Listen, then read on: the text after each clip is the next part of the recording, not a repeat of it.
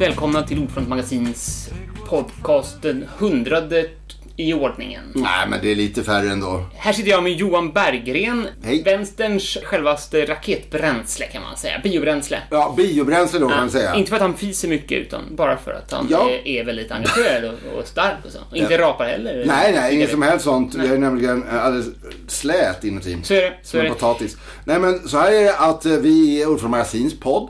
Och jag tänkte bara puffa lite grann för vårt nya nummer, sommarnumret, nummer 3 2019. Vi har nu funnits i, i 50 år. Jag har funnits i 50 år. Jag har inte varit med i Ordfront hela tiden. Men... Ah, Är du helt jämngammal med Nej, jag är faktiskt ett år äldre än Ah. Olsson. Eh, Det finns vissa som har, bland annat Leif Eriksson, eh, som har skrivit en, en ledartext som jag tycker är spännande, som handlar om Ordfront och dess tillkomst under en, en eh, 68-vänster som en del av den som har åldrats med värdighet, som har från början insett att mänskliga rättigheter är en omistlig del av att vara vänster. Alltså om man blir för jämlikhet och kollektivism utan att ha med mänskliga rättigheter så hamnar man ju väldigt lätt i Stalins Sovjet eller Mao Zedongs eh, Kina. Eller varför inte Pol Pots Kambodja. Och då kan man ju också se den så kallade auktoritära vänstern som tycker att mänskliga rättigheter är töntigt. Var de hamnar? De hamnar där. Men å andra sidan då om man tror på mänskliga rättigheter men samtidigt omfamnar kapitalismen. Då ser man sig helt, då är man blind för att företag eller överhuvudtaget kapitalistiskt system skulle kunna utöva förtryck mot individer och det kränker deras mänskliga rättigheter.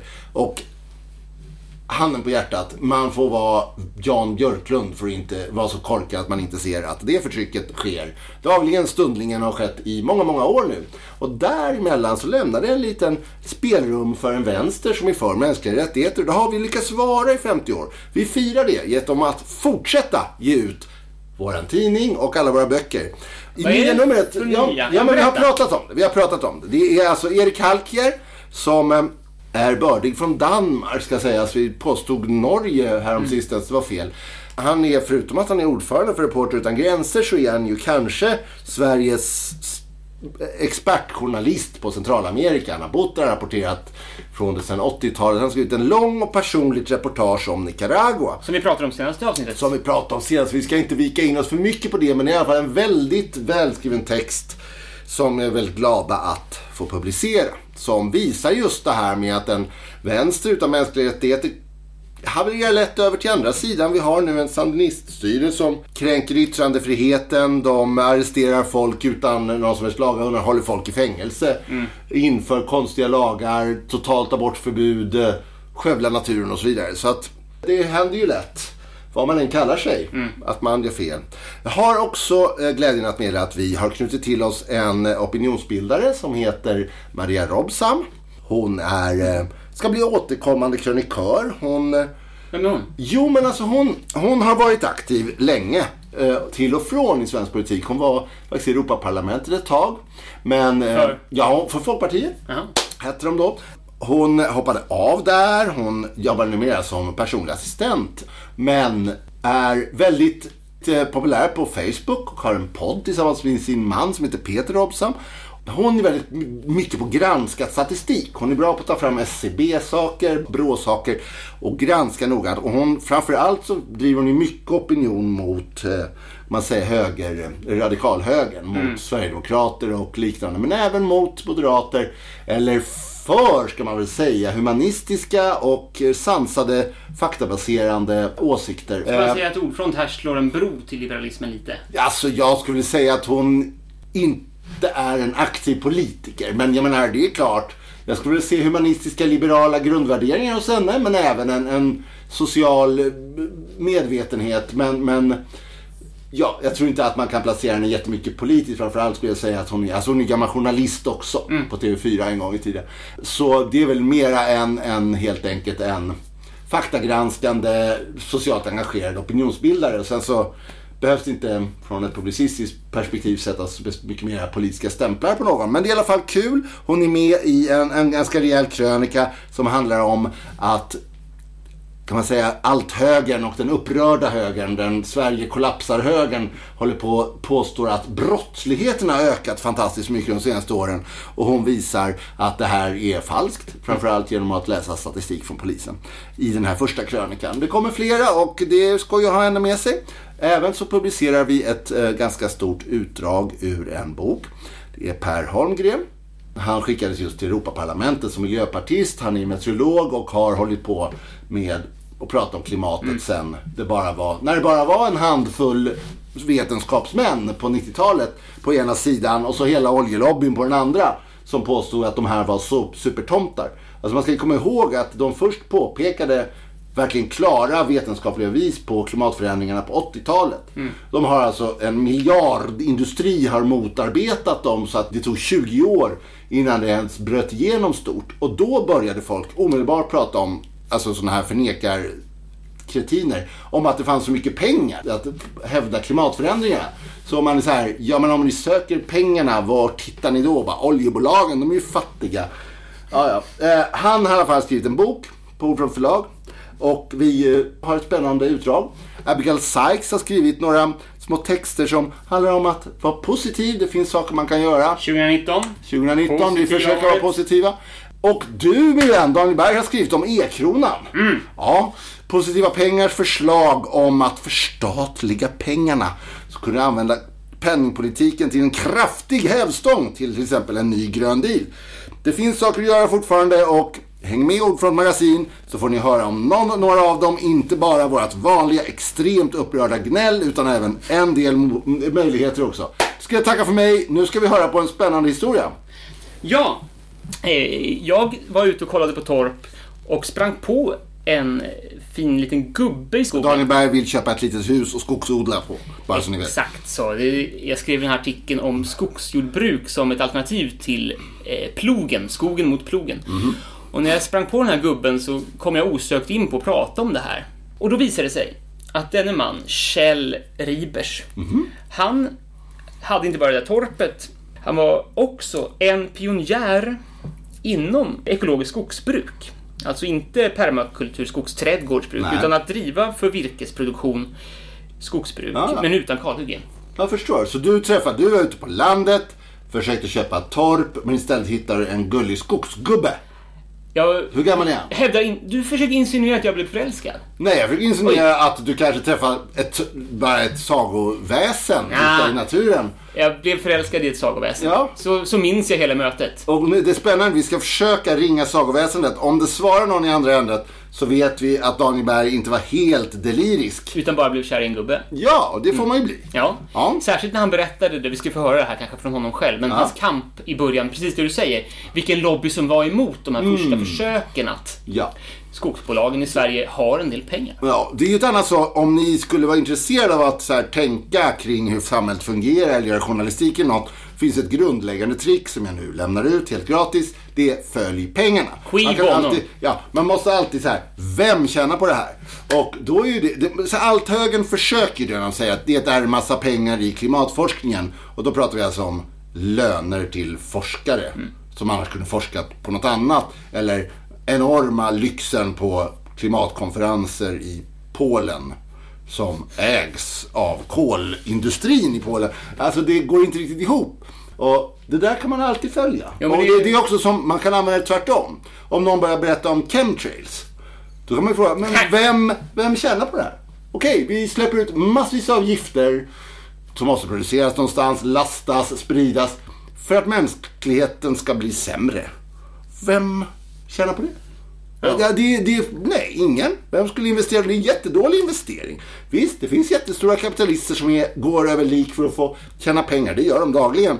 Hej, Stefan Persson, Hennes och Mauritz. Varför kände jag det bara så mm. eh, men varför skulle de investera biljoners pengar i utan avkastning? Det är samma platt, platta jorden. Mm. Vem tjänar på att luras att jorden är rund? Nej, qui bono, det är De är rundjordsmätarna som säljs. Nej, så det är ju det. Vi ska prata lite grann med, vad hette han? Kjell? Kjell Ribers. Kjell Ribers. Mm. Om ekologisk skogsodling och mm. varför det är svårt. Kul!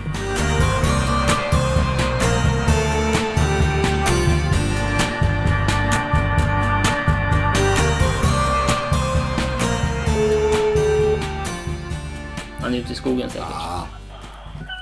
Ja, det var Kjell här. Hej Kjell, det är Daniel här. Jag sitter med Johan Berggren, din chefredaktör. Ja, hej Kjell här. Ja, hallå, hej. Det var trevligt att höra att ni ringde här. Ja. Eftersom det är mottagning med. Ja, vad bra. Är du ute i skogen? Ja, jag är ute i skogen. Är du alltid ute i skogen? Eh, ja, jag är ofta ute i skogen. det är min miljö. Det är fint att höra. Ja, Eh, det är där jag trivs bäst. Det är så ja. Jag kan börja där. Hur länge har du hållit på i skogen? Och varför började du tänka kring ekologiskt skogsbruk? Ja, jag började egentligen som lantbrukare då. Det är ju 1973 det här. Är väldigt länge sedan. Just det. Och eh, jag gick ju på lite skogsutbildning innan då. Sen arrenderade jag en gård. Ja. Och eh, efter 13 år faktiskt så tyckte jag att det här med konventionellt eh, lantbruk, det, det passade inte mig. Jag tyckte Nej. det var lite fel i grunden. Vad var det du tänkte på Ja, där vad, vad då? var det du reagerade på? Om du minns? Nej, men just det här att man eh, använde så mycket kemikalier Mm. och konstgödning Ja. eh, och hade så mycket monotona grödor. Mm. Och ja, det kändes inte riktigt bra det här att eh, bruka jorden så, för det var ju väldigt våldsamt. Man plöjde och harvade och alltihop. Mm. Och jag såg det här med, man kunde ju bara se ganska enkelt om det blåste hur mycket jorderosion det blev bara. Ja, det var så. Man såg det till och med ja. Ja, o ja. Det, när det blåste så åkte jorden bara flög iväg. Ja. Och utan att... Ja, men det kändes nog som att eh, jag borde prova på något annat. Samtidigt så jobbar jag ju i skogen också Ja. som entreprenör Mm. hela tiden. Och eh, sen 1986 då tänkte jag nu måste jag gå över och prova det här som kallas för ekologiskt lantbruk. Mm. Jag kände att det där låg mig varmt om hjärtat. Mm. Och ja, vi gick över med hela arrendegården, alltihop på en gång. Oj. För jag hade väldigt mycket djur också. Mm. Och... Eh, Det måste ha varit en av de första som gick över till så stort, till ja, ja, jag var ekologiskt. bland, och jag tror jag var bland de tio första i Sverige. Och, ja, men den här omställningen, ja, men den var lite mer drastisk. Och, Aha. och eh, det hände väl att jag tänkte eh, efter några år att det här ser ju ljust ut. Det var rätt jobbigt. Men, eh, ja, men jag gav inte upp. Berätta lite Och, eh, det du sa till mig eh, om vad du fick för mottagande utav eh, ja, jordbruksorganisationer och naturskyddsföreningar och Ja. sånt när du försökte visa på det här sättet att bruka jorden. Ja, det första var ju mina grannar då som de tog väldigt illa vid sig. Jaha, varför då? De sa ju hela tiden, ja, jag förstår att du tycker att vi gör fel. Ja, ja, ja. Ja, ja. det går. ja. Det blir liksom personligt ganska fort det här med ekologiskt jordbruk, som en anklagelse också. Ja, precis. Jag hade ingen... Jag anklagar dem inte det minsta, utan jag vill ju diskutera nackdelar och fördelar och fram och tillbaks. Jag har aldrig velat uh, tvinga på det som jag tror på på någon annan. Jag kan bara informera lite om det då, men, eh, ja, men jag fortsatte i alla fall och grannarna Ja.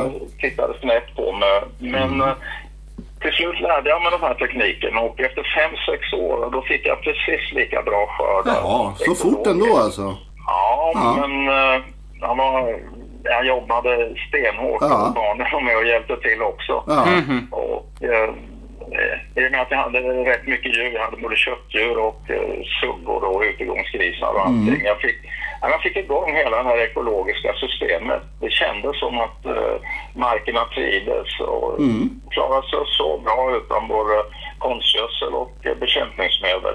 Mm. Och djuren var friska och eh, det man skördade var väldigt hög kvalitet.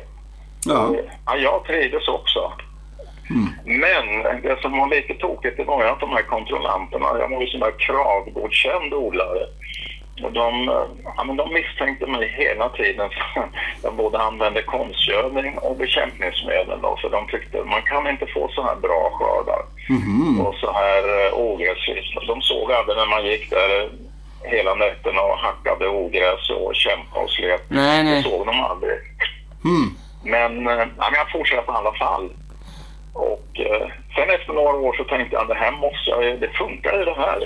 Jag fick ju så fina skördar och alla trivdes och djuren och vi i familjen. mm. trivdes också. Så tänkte jag det här måste man kunna försöka få in i skogen också. Mm. Det fanns ju lite andra metoder om man går tillbaks eh, många, många, många decennier med blädning och liknande dimensionshuggning. Aha, vad är det för någonting? Eh, ja, men det var, gick egentligen ut på det att man bara högg ner de mogna träden som, som hade växt färdigt. Istället för att, som man gör idag med det här trakthyggesbruket som i dagligt tal, tal benämns kalhygge, vilket det kanske liknar mest.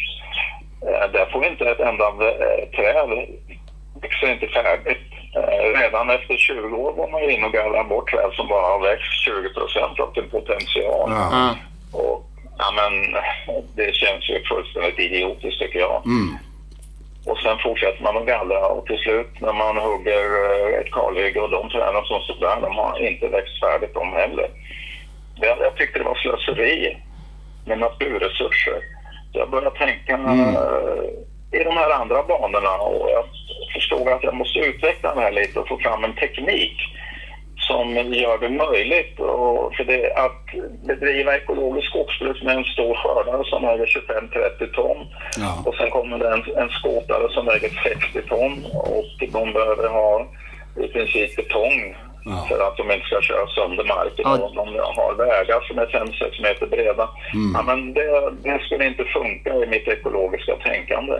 Utan eh, Nej. jag hade en, eh, en liten specialutrustad eh, eh, jordbrukstraktor som är speciellt gjord för att gå i skogen och en specialutrustad vagn till det. Så att jag jobbar bara då med motorsåg. Mm. Och, eh, hugger egentligen bara de träden som är mogna och sen ser jag hela tiden till att det finns en mängd med andra träd och gärna andra trädslag med som kommer underifrån i olika skikt. Mm. Så man hela tiden kan fylla på underifrån med halvmogna, kvartsmogna och så är det 10 mogna träd. Mm. Och då får man ju den här kontinuiteten. Och den är så oerhört viktig då, för när man gör på det här viset då slipper man egentligen alla problem. Det finns, jag har inga träd som blåser omkull och nej, nej, det finns nej. inga granbarkborrar heller. Nej. Det är ett jätteproblem nu. Det är egentligen inga toppbrott. Och, mm. man, man, kan, man kan bara låta skogen vara och göra de ingrepp som man tycker är vettiga och sen kan man sova lugnt på nätterna. Otroligt. Och det märkte jag med att det här skulle funka och jag har ju kommit fram till när jag räknat på det då att man får ju minst lika god ekonomi på den här typen av skogsbruk som man får, eller dålig beroende på hur man ser det. Ja som om man använder sig av kalhyggesbruket. Men samtidigt så får man ju en levande skog. En skog som lever och som är frisk och som är sund. Mm. Och jag märker det med folk som går i de här skogarna som jag driver på det viset. Ja, men då får jag ju tummen upp.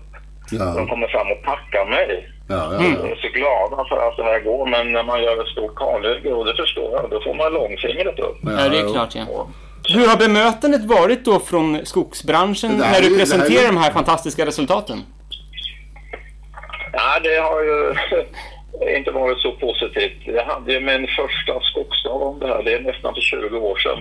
Och då ringde jag faktiskt runt. Först så skickade jag ut per post som var på den tiden till eh, LRF till eh, Naturskyddsföreningarna, fältbiologer och mm. till Skogsstyrelsen och till alla möjliga. Jag bjöd in dem till en skogsdag där jag skulle visa på skillnaden mellan det här konventionella kalhyggesbruket och det skogsbruk som jag hade börjat bedriva då. Mm. Men ingen svarade, inte en enda. Oj. Inte ens Naturskyddsföreningen svarade? Nej, ingen. Ingen kunde komma överhuvudtaget. Mm. Och LRF tyckte det där, det där det är väl bra som det är. Det är väl inte mycket att ändra på det här skogsbruket. Nej. Det har fungerat nu i flera decennier. Men när du presenterade det här på konferensen där nere, du berättade att du också åkte iväg och presenterade det här för skogsbrukarna själva på konferens. Mm. Ja, det har jag också gjort. Men där var det bättre reception, eller? Ja, men jag, jag, jag ringde hem till Skogsstyrelsen och berättade om det här då. då. Och eh, då sa de ju rakt ut, du får inte använda, man får inte använda den typen av skogsbruk i Sverige, det, bara så du vet det. Så du får inte visa upp sånt här skogsbruk överhuvudtaget. Varför, varför får man inte det? Nu förstår jag inte. Nej, det var så då. För ja. 20 år sedan. Då. Då fick man egentligen bara använda det som eh, man kallar för trakthyggesbruk eller kalhyggesbruk. Man fick inte använda några andra metoder överhuvudtaget. Varför inte? I eh, skogsvårdslagen. Jaha. Ja, det är en väldigt bra fråga. Ja. Men, det, ja, men det, utrymmet inom skogssektorn för eh, lite andra tankar är väldigt, väldigt eh, Ja. smalt och trångt. ja, jag förstår. Men jag höll ju den här skogsdagen ändå då. Så jag frågade ledaren här inne på Skogsstyrelsen, men eh, du kommer väl i alla fall? Jag kommer aldrig att sätta min fot där, sa. "Nej, Okej då, jag kommer i alla fall att, att hålla den där. Ja, men du vet, sa hon, att vi har försökt att sätta fast sådana här som dig tidigare. Sätta fast? Och, Ja. Ja, jo, det Vad är brottet? Erik Bergström. Jo, mot skogsvårdslagen. De, de eh, försökte fälla honom, ställa honom inför domstol då, men eh, de drog tillbaka det till slut i alla fall. Men det är helt fantastiskt. Vad exakt är brottet? Vem är offret? Berätta. Vad, hur tänker de? Jag förstår inte. Ja, tyvärr är det så. Det är ungefär som med den här monotona skogen. Alla de här som är utbildade, de har ju fått exakt samma utbildning, eller som jag kallar inbildning. Ja, de, är, eh, de är faktiskt hjärntvättade. För man har bara pratat om en typ av skogsbruk, både på Skogsmästarskolan och på Jägmästarskolan. Det har inte funnits något annat utrymme. Inte på gymnasieskolorna heller har det funnits något annat utrymme. Utan det har bara varit det här stora maskiner, granskog, eh, backe upp och backe ner. Det är effektivt, det är bra, det är billigt, det är enkelt och allting. Man har inte brytt sig om naturen överhuvudtaget Nej. Ja, jag var ju med på en del utställningar också då och berättade om det här eh, skogsbruk som jag hade och visade bilder och allt möjligt och diskuterade då men eh, ja, jag blev ju hotad faktiskt med, med stryk så många gånger. Men stryk? Ja. Ja, och när jag kom ut eh, med ett tillfälle när de skulle sönder ett av mina däck på bilen. Det hade ju dekaler på då med det här. Jaha. Med ekologiskt skogsbruk, dekaler. Då blir man Ja. ja. ditsatt alltså. Men vad, alltså jag förstår fortfarande inte vad, vad är problemet för dem? Ja, men problemet är väl egentligen att eh, hela det här etablerade skogssverige har ju alltid haft inställningen att vi bedriver världens i särklass bästa skogsbruk och Ja. helst och, och gärna vill vi sälja det till övriga delen av världen. Ja, och ja, ja, försöker ja. trycka På dem. Och LRF är ju bland annat sådana och eh, skogsindustrin och även Skogsstyrelsen tycker det finns egentligen inget bättre skogsbruk Nej. bedriva än att göra på det här viset. Och det här har alla lärt sig från det att de kommer in på skogsbruksgymnasium och vandrar hela vägen upp till, till Jägmästarskolan. Det finns ju professorer där som har fått sluta på sko- Jägmästarskolan för att de blev så utmobbade. Oj, oj, oj.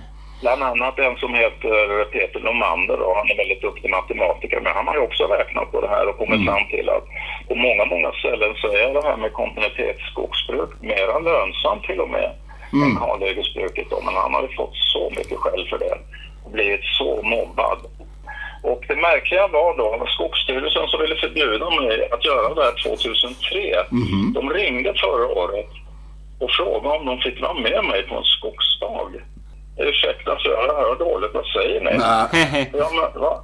ja, Så det är lite av en solskenshistoria Så här. li, att lite grann håller du på att få lite revansch nu? Eller kan du, är det för tidigt sagt? Eh, Det är lite för tidigt sagt, Ja. men jag har ingen precis när det gäller det här utan allt som eh, gynnar det här och eh, som kan föra ut de här kunskaperna. Och, Men Kjell, jag måste avsluta här men det var ju Ja, fantastiska Alltså, vi historier. får nog tillfälle att återkomma tror jag. Det här är ju väldigt spännande det du pratar om och hoppingivande trots allt. Även fast det har ju varit motigt förstår jag för dig så för oss att höra om det här är ju, blir ju ganska glädjande. Tycker jag. Verkligen. Ja. Att, eh, jo, men eh, det är det ju för att det håller på faktiskt nu. Då. Det, Ja. hade ju den där skogsdagen ihop och det kom ju, tror jag, 70 personer. Ja. De hade själva en skogsdag hösten innan, då kom ju 20 personer. Ja, ja, ja. aha. Så att, eh, nej men nu känns det som att uh, muren håller på att rasa lite i alla fall. Ja. Och det är ju skönt. Fantastiskt fint att få, Ja. Få ta del utav Ja. den här historien och den här långa, ek, det, det ekologiska jordbrukets och skogsbrukets långa historia som föregår det här genombrottet. Det är ju det, man, man vet ju inte, man ser bara plötsligt när det blir en våg av intresse. Men Mm. det här 30-40 åren utav ensamma personer som slåss emot vinden, det är en eh, tyst eh, förhistoria som är jättekul att få Mm, höra. Ja. Jajamensan. Tack så jättemycket. Vid. Ja. Tack. Hej då. Tack. Hej du också. Hej då. Tillbaka Hej, till hej. skogen. Ja, hej. Ja.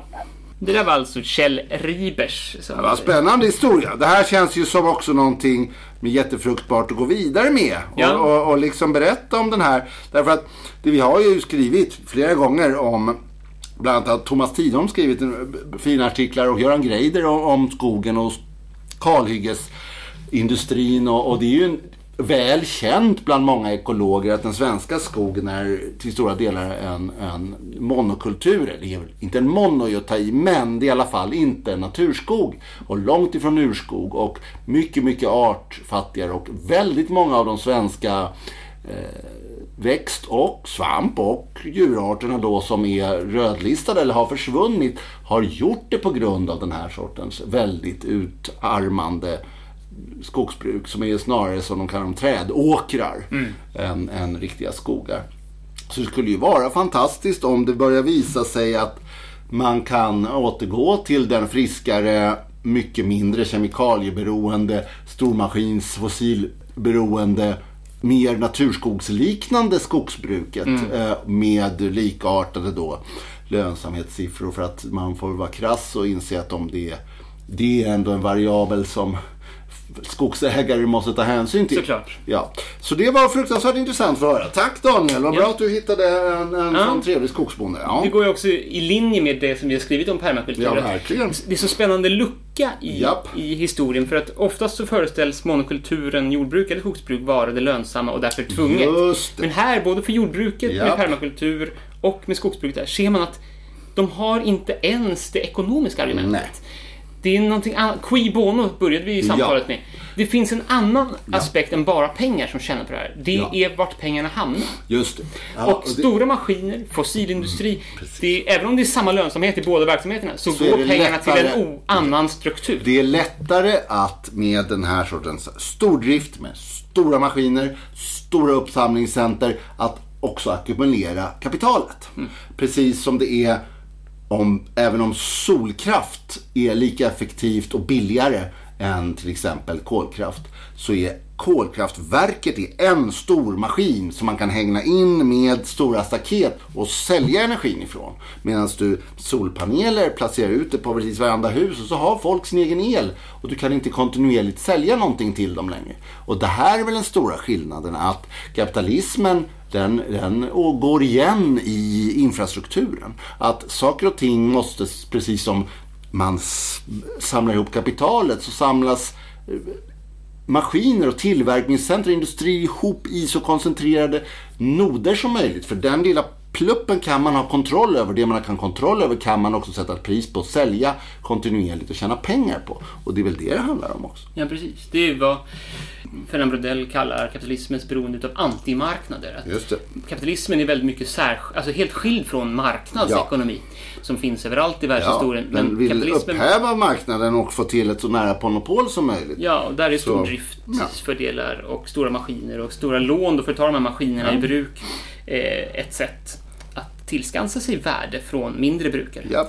Ja, Johan, det var väl ändå en liten eh, Ja, rolig, improviserad eh, Mycket, mycket trevligt. historia. Ja, det var också lite upplyftande Mm. inför sommaren där vi alla ska gå i sommaren ut och hoppas att även om 50 år kommer våra barn att ha en sommar kvar att gå ut i där en skog fortfarande står. Det kanske finns en och annan torsk kvar i Östersjön.